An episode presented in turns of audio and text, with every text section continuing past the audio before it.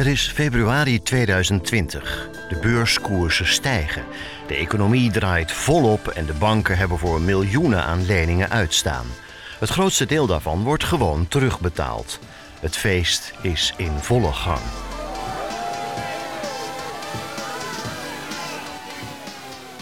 Maar dan trekt het coronavirus de stekker er ineens uit. De lockdown begint. Het wordt stil op straat. De winkels gaan op slot en steeds meer mensen vragen zich af: hoe gaan we nu de rekeningen betalen? Ondernemers komen aan een financieel infuus te liggen. Geld van de overheid druppelt de economie binnen. Naarmate het jaar 2020 vordert, beginnen steeds meer mensen in de financiële wereld zich af te vragen wat er gebeurt als dat financiële infuus wordt weggehaald.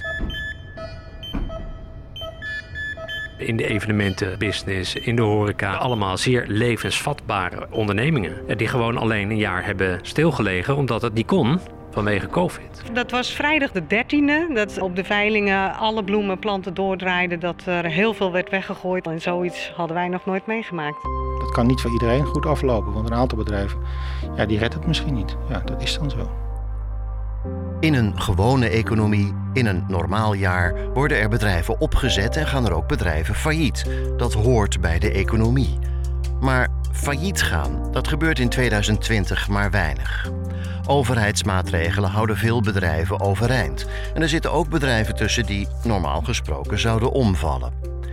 Financieel deskundigen wachten in 2020 op een golf van faillissementen. Maar het jaar gaat voorbij en die golf blijft uit. Terwijl veel ondernemers binnenzitten en afwachten, zijn financiële instellingen bezig met het verder inrichten en uitbouwen van afdelingen die zich bezighouden met bijzonder beheer. Dat is waar een onderneming terechtkomt als hij bijvoorbeeld niet meer kan voldoen aan de voorwaarden van de leningen van een bank. Als het verlies te hoog oploopt of als schuldeisers niet meer afbetaald kunnen worden. Het is de zieke boeg van de financiële instellingen. Hier is altijd wel werk aan de winkel. Ook als de economie volop draait, zijn er bedrijven die in problemen komen. Maar zodra een crisissituatie de economie bedreigt, groeien deze afdelingen sterk en staat bijzonder beheer in het centrum van de belangstelling. Wat gebeurt daar dan? Hoe werkt zo'n afdeling? Welkom bij Bijzonder Beheer, een nieuwe insight van de Leaders in Finance Academy. In deze serie kijken we naar hoe bijzonder beheer werkt. We praten onder meer met een rechter, minister, investeerders, ondernemers en banken. Zij hebben, net als bij een gewone ziekenboeg, langs de zijlijn extra personeel klaarstaan om bij te springen als het nodig is. Maar niet alleen de banken, ook leasemaatschappijen en bijvoorbeeld factoringbedrijven hebben zo'n afdeling.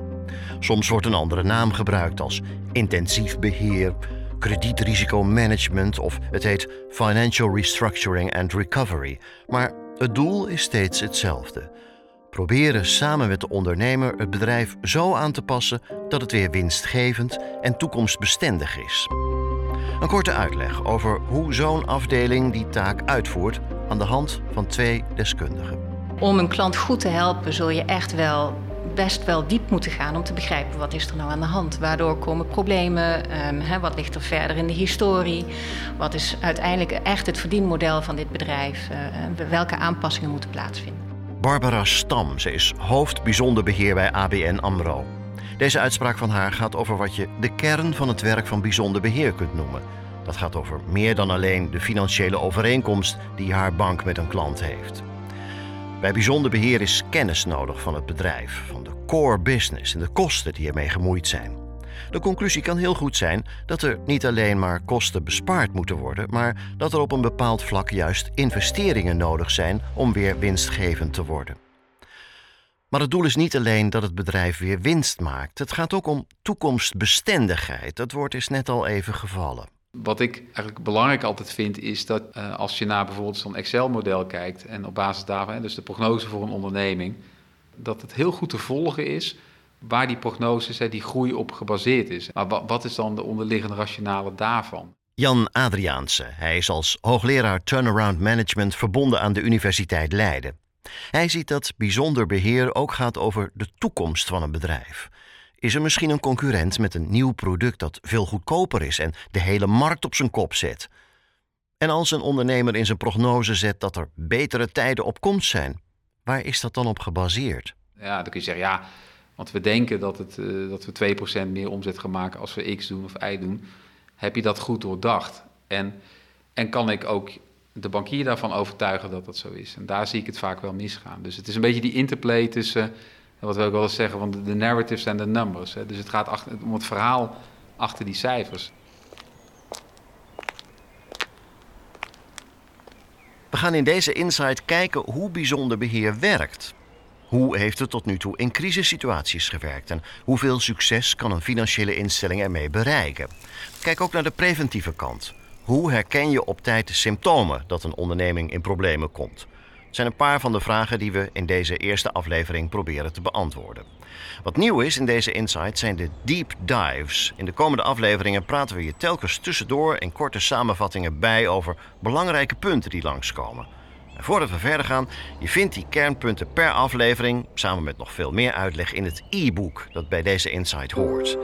In de introductie van de app waarmee je deze podcast beluistert, vind je een link naar dat e-book. Dit is aflevering 1. Er komt iemand mee.